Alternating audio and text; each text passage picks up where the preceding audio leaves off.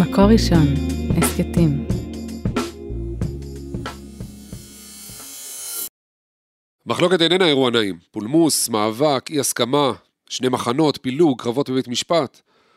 מחלוקות קורעות את העם, מפצלות את החברה, פורמות את המארג האנושי העדין. מי רוצה מחלוקת? אבל מחלוקת היא גם הביטוי לריבוי הדעות. היא מאפיין יסודי ובולט של ספרות המשנה והתלמוד, שהפך את המחלוקת ואת הוויכוח לגורם מכונן בתרבות היהודית, וכנראה גם הישראלית.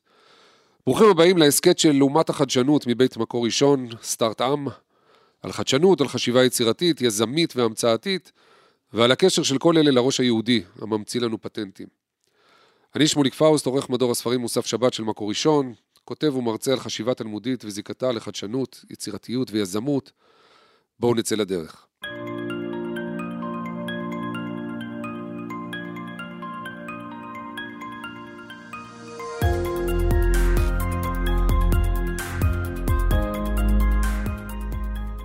מגרש האימונים של חכמי התלמוד, חדר הכושר האינטלקטואלי שלהם הוא בית המדרש. מהתיאורים שלהם הוא נשמע לפעמים כזירת היאבקות. הם מסוגלים להתגושש בו עד זוב דם במלחמת דעות, מסורות, תובנות, מסקנות.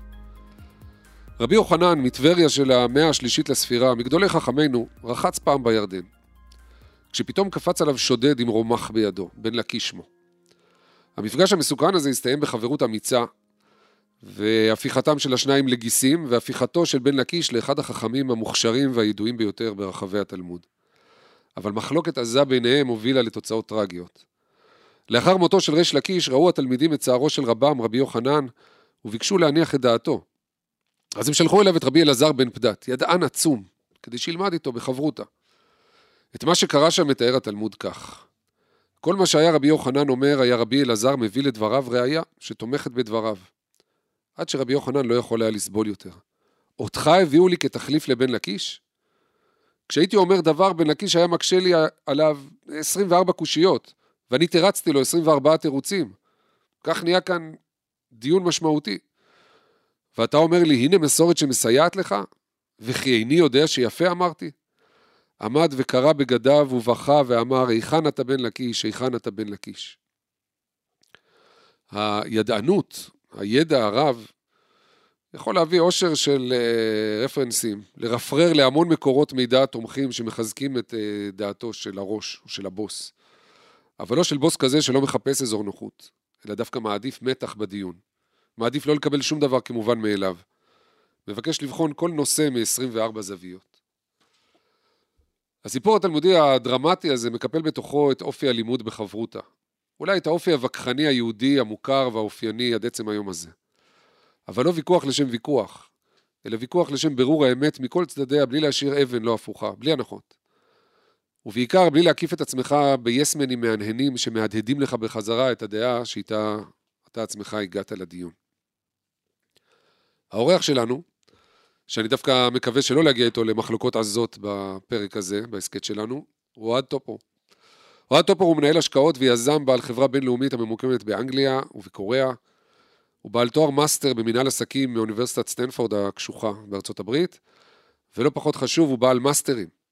ספר בשם מאסטרים שראה אור בהוצאת מטר, ושמציג את עשרת העקרונות החשובים ביותר מהתרבות היהודית להצלחה בניהול, במנהיגות, בעסקים ובחיים בכלל. שלום אוהד. בוקר טוב שמוליק. שלום שלום. אה, קודם כל, שמח מאוד שאתה איתנו, תודה שבאת. כיף להיות פה, תודה. אה, תרבות המחלוקת היהודית שפתחנו בה מוכרת לך. עסקת בזה בספר, בפרק על אה, חשיבה לעומתית. אבל אולי לפני שנחזור לעניין הזה, תספר לנו קצת עליך, על הרקע שלך, איפה אתה היום. אחר כך כמובן ניגע בהרחבה בסוגיה הלעומתית ובספר שכתבת. כן.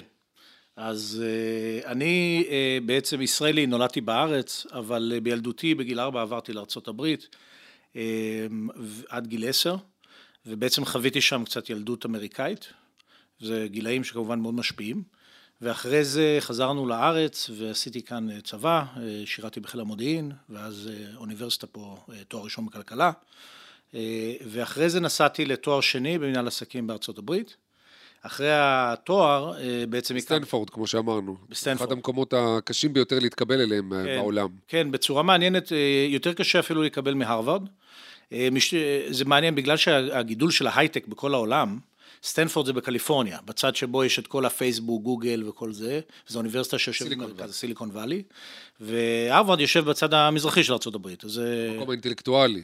כן, זה אופי אחר לגמרי. לסטנפורד יותר קשה להתקבל לתואר שני במאסטרים במנהל עסקים. ועדיין לפי דעתי.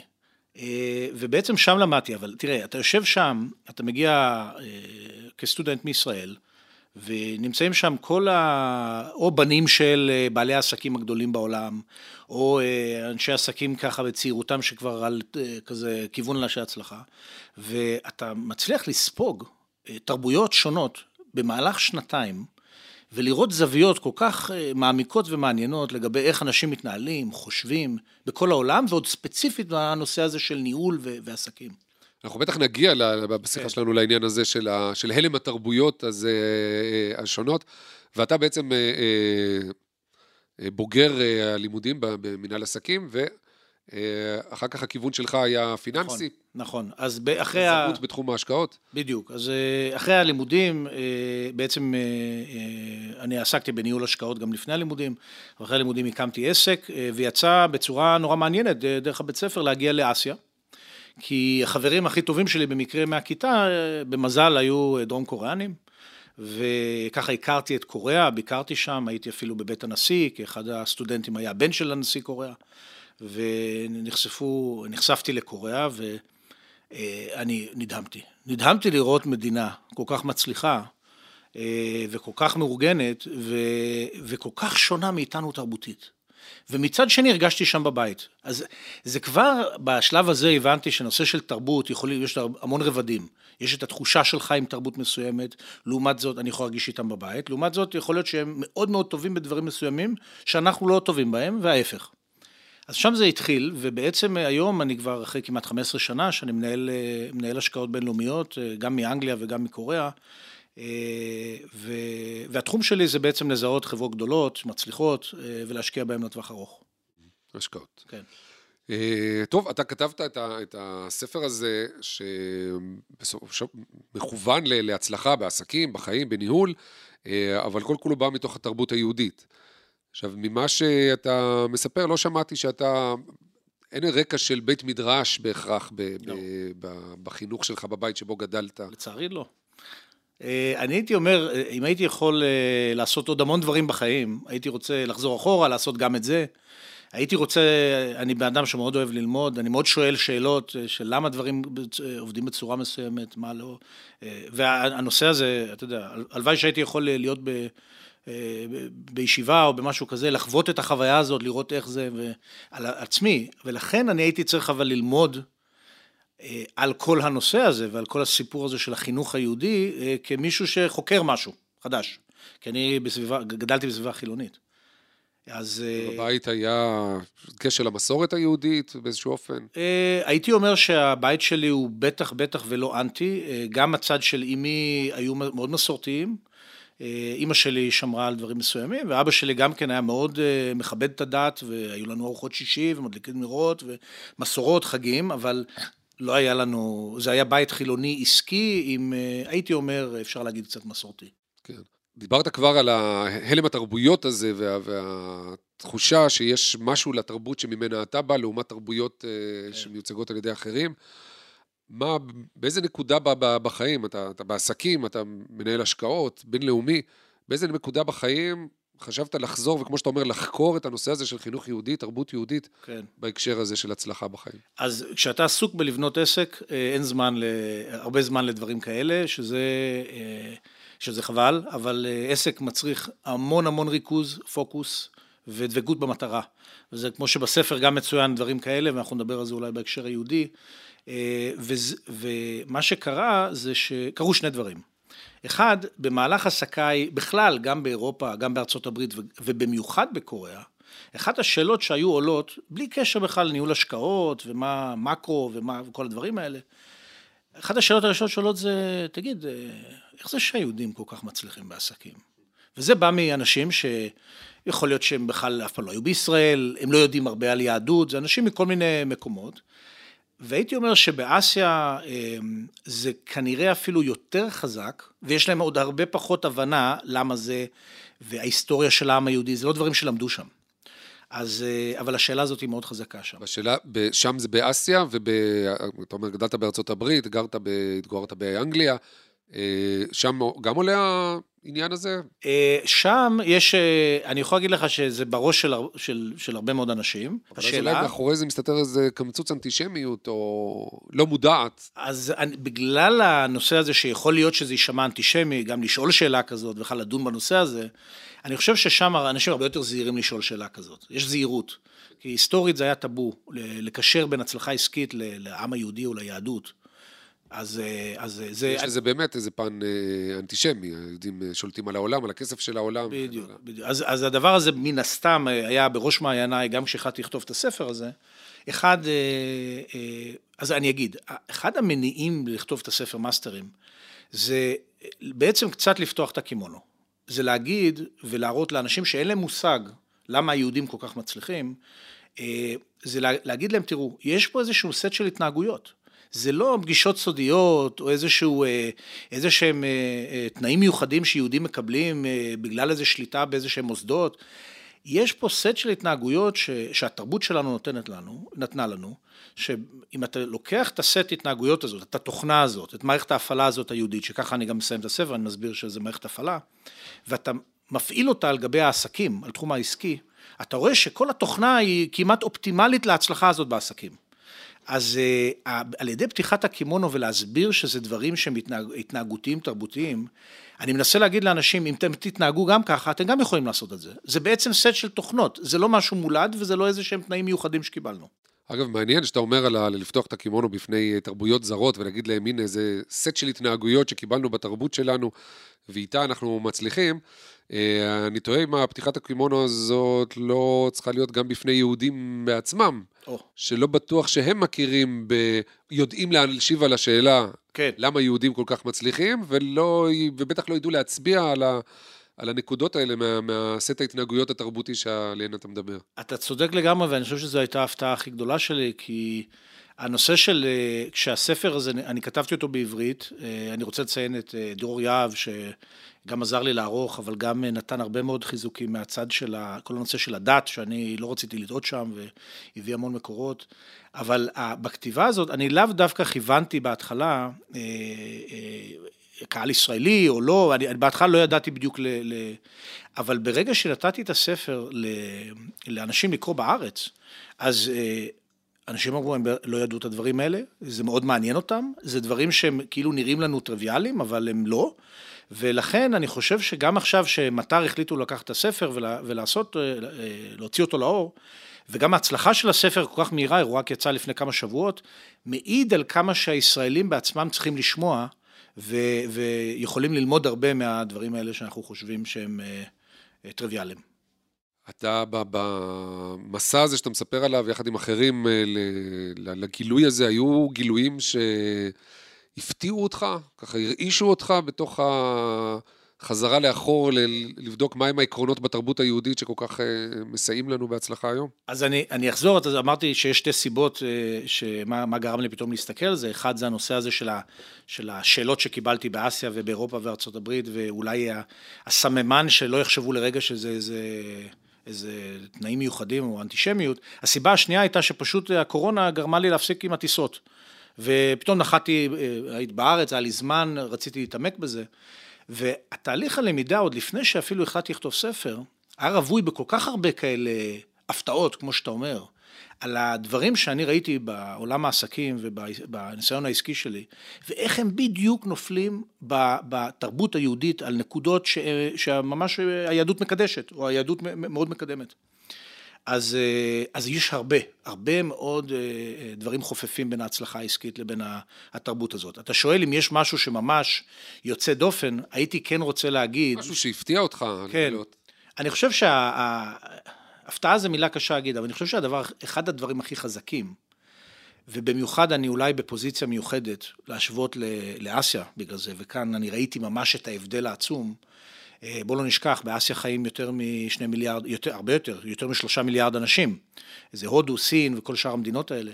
ובמיוחד סין, קוריאה, יפן, התרבויות האלה. אחד הדברים הבולטים היה הנושא הזה של אה, אה, התנהגות לעומתית. שזה בבסיס שלו הווכחנות. הרעיון של אתה אומר לי משהו, שאצלם אין את ההתנהגות הלאומתית. אין להם את זה בכלל. זה אפילו בתרבות, אני אגיד ככה, באסיה, במדינות האלה שאני... אה, תרבות של ציות. ציות, היררכיה ברורה, פירמידה מאוד ברורה של איך מתקבלים, מי, איפה מתקבלים החלטות, איפה מותר לדבר, איפה אסור לדבר. עכשיו, אני ניהלתי, אני, אני מנהל וניהלתי חברה אה, בקוריאה, עם עובדים מקוריאה. ואין לי שם זרים, ואני פתאום, אתה יודע, בסיטואציה כזאת שאני צריך להשוות את מה זה ניהול בישראל לעומת מה זה ניהול בקוריאה.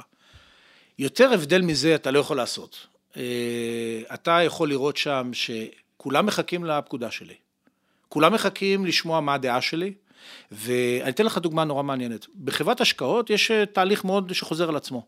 זה נקרא ועידת השקעות. אה, ועדת השקעות. ועדת השקעות, אני בא ומציג מה אני חושב הולך לקרות בעולם, איך אנחנו הולכים למצב את, את הפורטפוליו למה שהולך לקרות בעולם.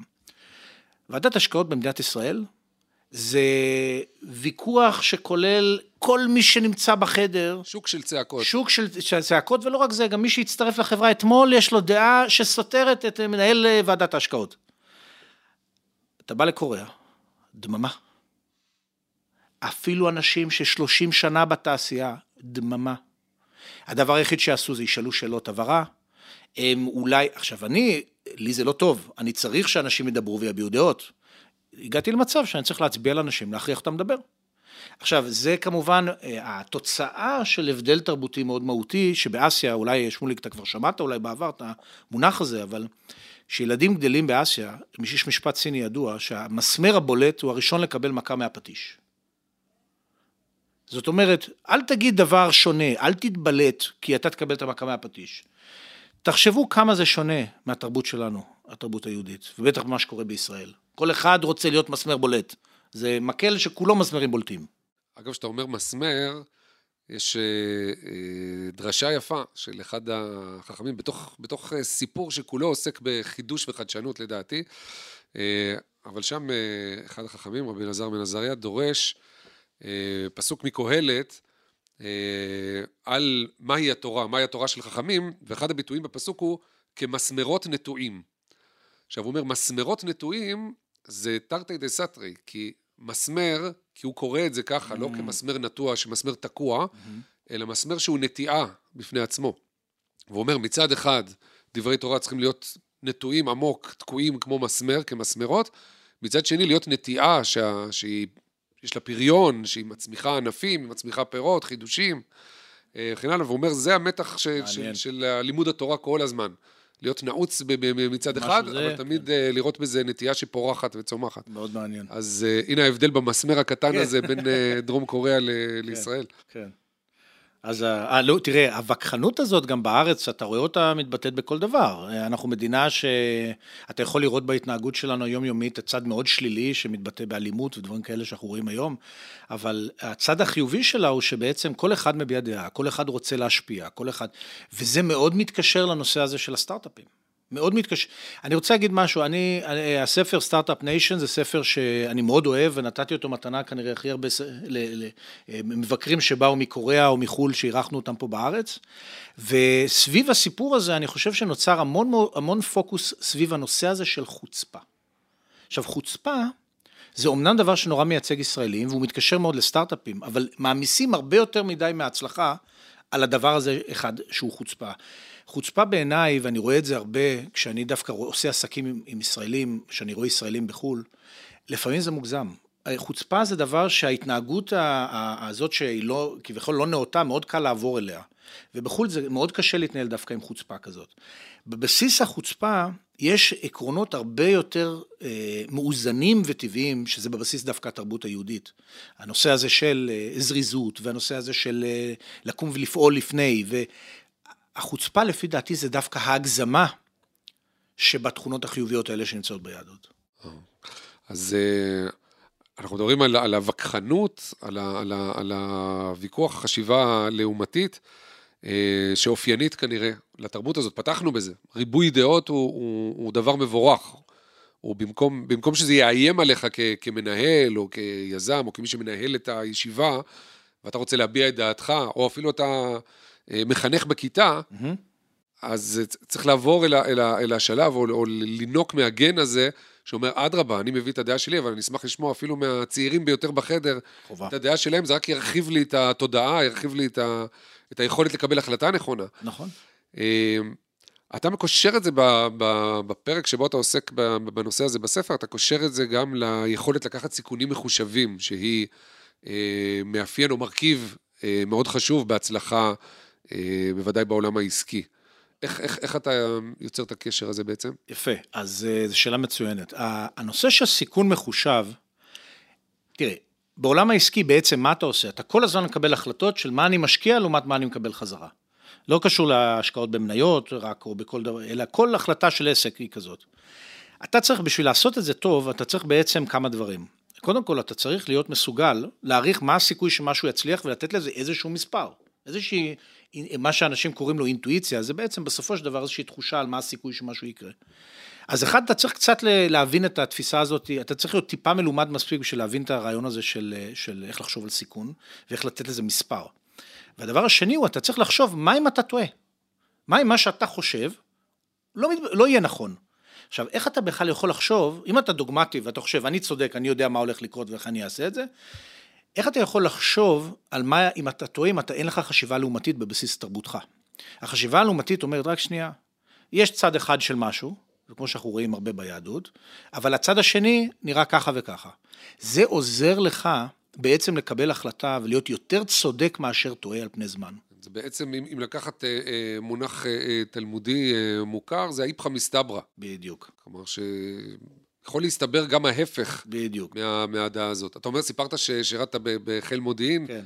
אה, נכון, אחת ה, ה, מה שהוקם, היחידה שהוקמה בצבא אחרי מלחמת יום, כחלק מלקחי מלחמת יום הכיפורים. נכון. הייתה יחידה שכך אה, כונתה, ממש בשם הארמי הזה, ממש. מסתברא במודיעין, כדי לא להיות היסמנים שעלולים להביא לקטסטרופה, לאסון, להפתעה ש, שלא בדיוק. רצויה.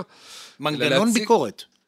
כן, מין מנגנון ביקורת, ש, שזה התפקיד שלו, להיות עסוק בלהציג את, ה, את האפשרות ההפוכה. ובחברות הכי מצליחות בעולם, תמיד יש את הזווית הזאת. ולא רק זה, אצל אנשי העסקים האינדיבידואלים הכי טובים בעולם... יש את זה, בחברות המצליחות בעולם זה קיים. לא רק שיש את זה בחברות, אלא גם המנהיגים הכי גדולים, והמנהלים הכי טובים, והיזמים הכי גדולים, יש להם את זה בתוך המוח.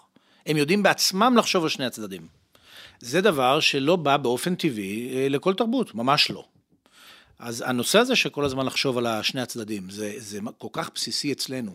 דרך אגב, אתה רואה את זה גם, אני, אני רואה בישראל כבעצם איזושהי אה, תוצאה של לקחת תרבות יהודית, נתת פה חופש פעולה במדינה, ונתת לאנשים להתנהג איך שהכי טבעי להם, זה מה שקורה כאן. אתה רואה מה זה יוצר. אתה רואה את התוצאה ממש של האיפכא מסתברא הזה, זה אני, גוגל חושבים שהם יעשו את זה ככה, אני אקים סטארט-אפ שעושה את זה קצת שונה, ואני אצליח יותר, גוגל בא ומשלם מיליארדים לקבל את זה. זה, זה סטארט-אפ. סטארט-אפ זה בעצם פיראט על ספינה הרבה יותר גדולה. יש ספינה ענקית, אתה לא יכול להתחרות בגוגל, אני אעשה משהו שמציק לה עד כדי כך, אני אעשה את זה יותר טוב, שהם יצטרכו לקנות לי ולשלם לי על זה. טוב, במובן הזה גם מדינת ישראל כולה היא סטארט-אפ אחד אה, אה, גדול.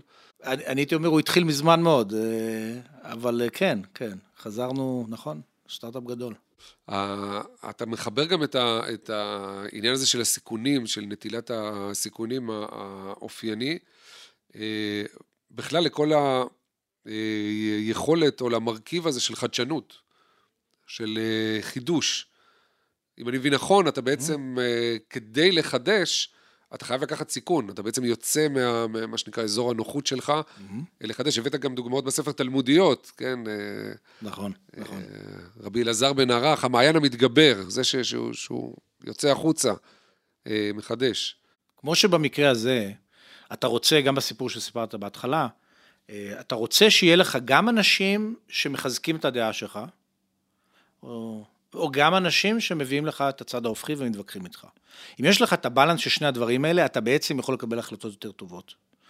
אה, הנושא הזה של חדשנות הוא בעצם, בדיוק כמו שאתה אומר, הוא המיצוי, הוא הדבר הכי מורכב בתהליך העסקי, שנובע מהיכולת שלך לחשוב שונה מאחרים. כי ממש לחדש זה, זה כבר התוצאה של הצלחה של משהו שהוא מאוד מאוד קשה להשיג אותה. לחדש זה מאוד קשה. אבל אתה צריך לעבור כל כך הרבה משוכות בדרך בשביל לעשות את זה. אני אגיד לך גם הערה נוגע, נוגע לאסיה. בקוריאה, אחת החברות הכי גדולות, החברה הכי גדולה זה סמסונג, כן, שכולנו מכירים. אה, בהתחלה היא התחילה בלהעתיק את אה, אפל. היא התחילה להעתיק את כולם, לעשות גם טלפון דומה. וזה.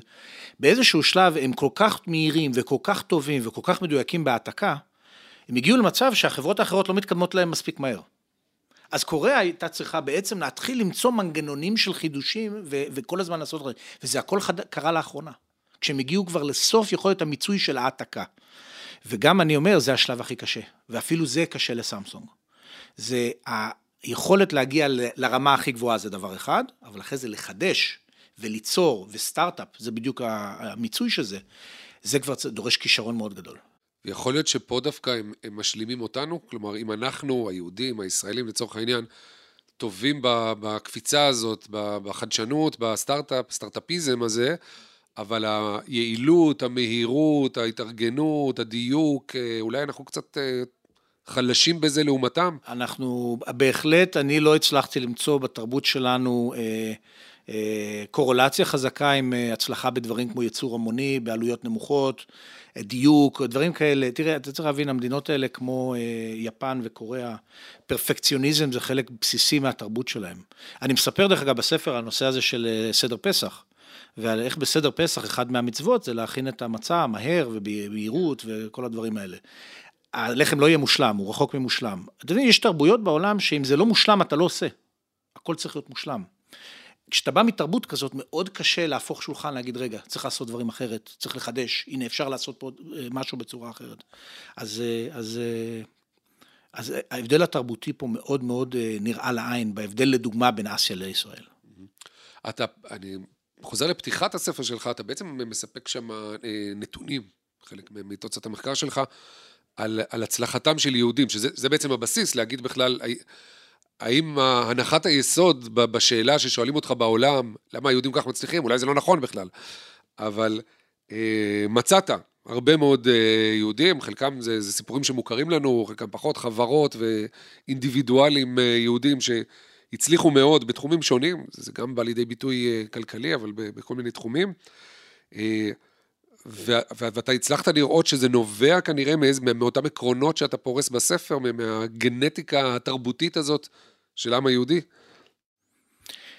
קודם כל לא צריך מיקרוסקופ בשביל לראות כן. שהיהודים אה, מצליחים בצורה חסרת פרופורציות, וזה הדבר הראשון היה שצריך לוודא אותו. ומי שרואה נתונים בספר, אה, לדוגמה אני מסתכל על ארה"ב שיש הרבה מאוד מידע זמין, אה, המיעוט עם ההכנסה הכי גבוהה בארצות הברית זה היהודים, 46% מהיהודים בארצות הברית מרוויח, בית מרוויח יותר מ-100 אלף דולר, וכאשר הממוצע בארצות הברית ש-100 אלף דולר, שמרוויחים מעל 100 אלף דולר זה רק 19 אחוז. ולא רק זה, אם אתה מסתכל על העשירים ביותר בעולם והמיליארדרים, זה כמובן אה, חסר פרופורציה לגמרי מבחינת יהודים, וגם מייסדי חברות אה, חסר פרופורציה. כמות המייסדים היהודים, אפשר ממש ליפול מהכיסא מי שקורא את הפרק הזה. כמובן שהפרק הזה הוא בגרסה העברית. אה, אם אני הולך לתרגם את הספר לשפות אחרות, אז הפרק הזה הולך לעבור איזשהו אדפטציה בשביל להנמיך את הווליום שלו, אבל בישראל אני... הטפיחה העצמית הזאת על השכם? כן, כן, כמובן, זה יכול להיראות כמו טפיחה עצמית, ואני חושב שבישראל זה מאוד חשוב לקבל את זה, כי זה גורם לאנשים להבין מה אסור לנו לאבד, לראות כמה ההצלחה הזאת יכולה להיות פנומנלית. זה אגב באמת לא רק הצלחה פיננסית, אנחנו מדברים על פרסי אה, נובל, פרסי טורינג, אה, פרסי אה, וולף. פשוט. פשוט... במדעים, בכל תחום, כמעט בכל תחום. כן, כן, משחמט, בדברים שאתה פשוט, אתה קשה להבין. ואני חושב שמי שיקרא את הפרק הראשון, לדוגמה, בספר, הוא, הוא קצת, הוא ייפול מהכיסא. עכשיו, הקשר בין היהדות לבין ההצלחה העסקית זה כל הספר. ובעצם הספר אומר, אני, אי אפשר להסביר את ההצלחה הזאת על ידי קשרים אה, סודיים. אי אפשר להסביר את זה כי קל לנו נורא להתעסק אה, במה שאנחנו רוצים בעולם, כי כולנו יודעים שזה לא קל לנו. אי אפשר לתרץ את זה על ידי זה. עכשיו, גנטיקה, אני לא הצלחתי למצוא שום דבר שהוא קונקרטי מספיק בשביל לטעון את הטענה הגנטית. מי שרוצה שיטען את הטענה הזאת, אני לא רואה בזה, אני, אני חושב שראיתי מספיק הזדמנויות שזה לא עובד. אתה מדבר בעצם על אה, DNA שהוא תרבותי. תרבותי, זה תוכנה. זה מערכת ההפעלה שלנו בתור עם, שכבר אה, עם מסורת של 4,000 שנה, אה, יצר סט של אידיאלים, של התנהגויות, של אגדות, של סיפורים, של דברים שמניעים איך שכל אחד מאיתנו חושב ומתנהג ביום-יום, והתוכנה הזאת שלנו יש במוח, תשלח אותה לתחום העסקי, ואתה רואה איך דבר דבר זה פוגע בול למה שצריך בשביל להצליח. בתוך הדבר דבר האלה יש איזה עיקרון או שניים בולטים במיוחד, אתה חושב? ש, שכשחקרת או בדקת מי הם היהודים המצליחים או העסקים המצליחים או התחומים המצליחים, אה, בולט, צף למעלה איזשהו עיקרון או, או שניים שהם מצוין. ממש במובהק אפשר לראות שהם מהתרבות היהודית הזאת? מצוין. אני, אני אקח שניים שהם מאוד שונים בתכלית. אחד זה יותר כמו האידיאל, הסופר הירו היהודי, שאצלנו, והשני הוא יותר פרקטי. צריך לחשוב על זה ככה, אצלנו, אצל היהודים, הסופר הירו, הבן אדם שאליו כולנו תרבותית שאפנו תמיד, זה להיות לחכם. התלמיד החכם, זה אצלנו ראש הפירמידה. Mm-hmm. אנחנו לא בענייני, הספורט זה לא היה הדבר שלנו כמו, או כוח, או לא. אסתטיקה. עדיין לא. אז, אז יש דברים שאנחנו כמדינה כבר נתחיל להשתפר בהם. אבל האידיאל שלנו כ- כהתלמיד החכם והבן אדם החכם הוביל את כל התרבות ללמדנות. הלמדנות הזאת אומרת שאנחנו מסוגלים להתעסק בתחומים שהם יותר מורכבים, שדורשים יותר מאמץ מראש ללמוד אותם לפני שאתה יכול לעשות אותם. זה יש לזה השפעה ארוכה מאוד מאוד רחבה על הנושא של העסקים. במיוחד לניהול השקעות, זה מאוד מורכב, ואתה צריך להשקיע הרבה מאוד זמן וניסיון, שיגיע למצב שאתה יכול לקחת כסף של מישהו ושנהל אותו, המון המון שנים. אז זה אחד, זה הלמדנות וההשקעה. הדבר השני היותר פרקטי, אני חושב שזה זה הנושא הזה של ההתמדה. כי אני אה, גם רואה, בתפקידי ראיתי גם כן אה, סטארט-אפים, ראיתי גם יזמים של חברות אחרות, וגם במיוחד מאחר ואני עוקב אחרי החברות הכי גדולות בעולם והכי מצליחות, ואני מאוד עוקב אחרי הסיפורים שלהם, מה הביא אותם לשם. אני יכול לראות כחוט השני משהו שמייצג מצליחנים, שזה גם אם בדרך הם לא מצליחים בנקודות מסוימות, הם ממשיכים ובכוח והם לא מאבדים את, ה, את המוטיבציה ואת, ה, ואת האינרציה הזאת של העשייה. עם הנצח לא מפחד מדרך ארוכה. ממש לא, ממש לא. ואני בטוח שאתה גם יכול לתת את, ה, את ההקשרים מה, מהתרבות היהודית על, על הנושא הזה של ההתמדה ועל השקדנות, אבל אם אתה הבאת אותי בשביל להסביר על הצד העסקי, אז אני יכול להגיד לך ש... משהו שמדבר אולי לכל אחד. אתה יודע, אחד השירים בתרבות הישראלית המתחדשת, הוא שירו של ביאליק, המתמיד. נכון. הוא מספר שם, הוא מציב את דמות המתמיד בישיבה. נכון. ש, ש... שזה אידיאל, זה, זה, זה, זה אידיאל, זה, זה הקושי, זה, זה חיים אפורים, זה, זה קשה, אבל... אה, בדיוק. דיברנו על הספר שלך שנכתב מתוך מוטיבציה של שאלות ששאלו אותך בעולם, גילית שגם פה, במיליה, בחברים בארץ, אה, הדברים לא, לא מובנים מאליהם. אז רציתי לשאול אותך, איך באמת התקבל פה הספר בקרב אה, הציבור בכלל, החוגים שקרובים אליך? כן, זה, האמת שזה משהו ש... אני, אני לא ציפיתי שזה, שזאת תהיה התגובה, אה, אה, בטח שלא כשכתבתי את הספר, אבל אני לא, לא אמרתי בהתחלה, ואני 14 שנים חייתי אה, לאחרונה באנגליה ו, ועם הרבה זמן באסיה, וחזרנו עכשיו בקורונה, אנחנו חיים עכשיו בארץ, וכשחזרתי, מה שהכי הפתיע אותי, אני כנראה ראיתי את זה מאוד מבחוץ, על כמה ישראל מצליחה וכמה הנתונים פה טובים, ובאמת שהמדינה כמדינה, זה התחום שלי, זה ניהול השקעות, המדינה כמדינה מאוד מאוד מצליחה.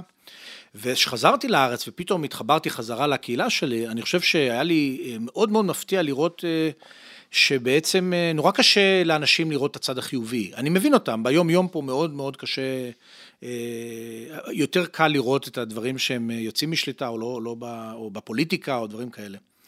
מה שקרה זה, אחרי שהספר יצא ואנשים קראו אותו, וגם היה לי הזדמנות להיות בכמה הרצאות, אני חושב שמה שהפתיע אותי הכי הרבה זה לא רק זה שזה עניין כל אחד שקרא את זה, או מי שדיבר איתי לפחות שקרא את זה, אלא גם כמה אנשים שהם יהודים וחיים במדינה הזאת ומכירים את ההיסטוריה של העם וכל הדברים האלה, לא מקשרים את העקרונות האלה להצלחה שאנחנו חווים אותה. והקישור הזה גרם לאנשים ממש להגיד, זה אחד מה...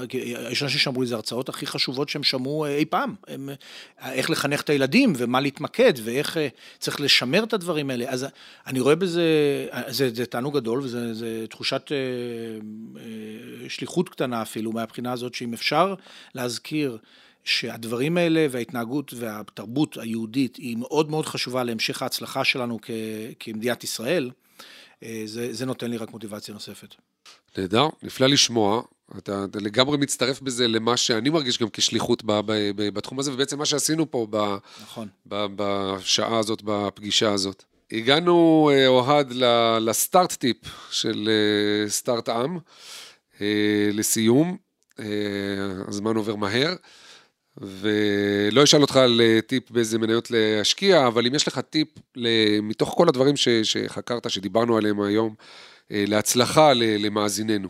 כל מי שרואים בעצמם משקיעים, מנהלים, מנהיגים, יזמים, או מחפשים הצלחה כמובן בחיים בכל אה, תחום. יש משהו שאני יכול לקשר את השאלה הזאת על הטיפ למה שכרגע אמרתי לגבי הנושא הזה של התמדה. זה דבר, זה אלמנט תרבותי שלא קיים בכל תרבות בעולם. תסתכל, יש הרבה מקומות שאין בכלל ערך כזה. עכשיו, איך זה פרקטית יכול להשפיע לכל אחד שאולי מאזין אפילו, ואם יש לו עסק, עסק קטן, עסק גדול, לא משנה, הוא מנסה ליצור משהו, רוצה ליצור משהו, להקים עסק בעתיד. יש משהו שראיתי לאורך כל הסיפורים האלה של המצליחנים, כולל רלף לורן, שהוא גם כן יהודי, וגם כל הסיפורים האלה של ה... לכולם שם היה בשלבים הדי ראשוניים של העסק, וזה יכול להיות גם הרבה שנים לתוך התחלת העסק, היה נקודת שפל. העסק הוא, הוא כמו, זה כמו אה, סינוס. אתה מתחיל בהתלהבות, מאמין שאתה צודק, אתה הולך להצליח, חבל הזמן. זה, הולך, זה בטוח הולך לעבוד. האנרציה שלך מרימה משהו. אז הרעיון שלך פוגש את הלקוחות ואת השוק. ופתאום לא הכל מושלם, מאוד קשה, זה לא מצליח כמו שרצית, מתחיל איזה קו ירידה כזה, ובסוף הירידה הזאת יש עמק. בעמק הזה, אני יכול להגיד לך שאנשים שאין להם את המטען התרבותי, או הסביבתי, או האישי, להתמיד, שם הם מוותרים. אומרים, יאללה, נעבור, טעיתי, ניסיתי משהו, נעבור הלאה. רוב האנשים שהצליחו מאוד בגדול, בעמק הזה, שם הם בעצם לא ויתרו, ועשו עוד ניסיון מאוד חזק. מה קורה בעמק הזה שהוא כזה קריטי? אתה בעצם, זו הנקודה הכי גרועה להפסיק בה. למה? כי צברת את כל הידע של מה לא עובד. מה שלא עובד, אתה כבר מומחה. אז מהנקודה הזאת, אתה בן אדם במקום הכי טוב להבין מה כן יעבוד. במקום לוותר, אני אומר לך שרוב היזמים, ואם אני מסתכל על היזמים היהודים, הם לא ויתרו, וברגע שהם המשיכו הלאה בדרך הגלים האלה, כל פעם זה גרם להם לצמוח ולגדול יותר. זה משהו פרקטי שאני חושב שהוא מאוד מייחד והוא מאוד ממצה גם את השקדנות ההיסטורית, התרבות שלנו, ההתמדה, העבודה הקשה, שמתרגם בצורה נורא מצוינת לעולם העסקי. אני מאוד מודה לך, אוהד אה, טופור, שהיית, אני מאוד שמח שהיית האורח שלי אה, היום. תודה לכם המאזינים על ההקלטה והסאונד, היה אוהד רובינשטיין, בהפקה ובעריכה עדי שלם אה, רבינוביץ' ויהודי טל. את הפרק הזה, כמו גם את שאר פרקי הסדרה והסכתים רבים נוספים, תוכלו למצוא באתר מקור ראשון, בערוץ ההסכתים שלנו, כמו גם בספוטיפיי, באפל מיוזיק ובגוגל. להשתמע בסטארט-עם הבא.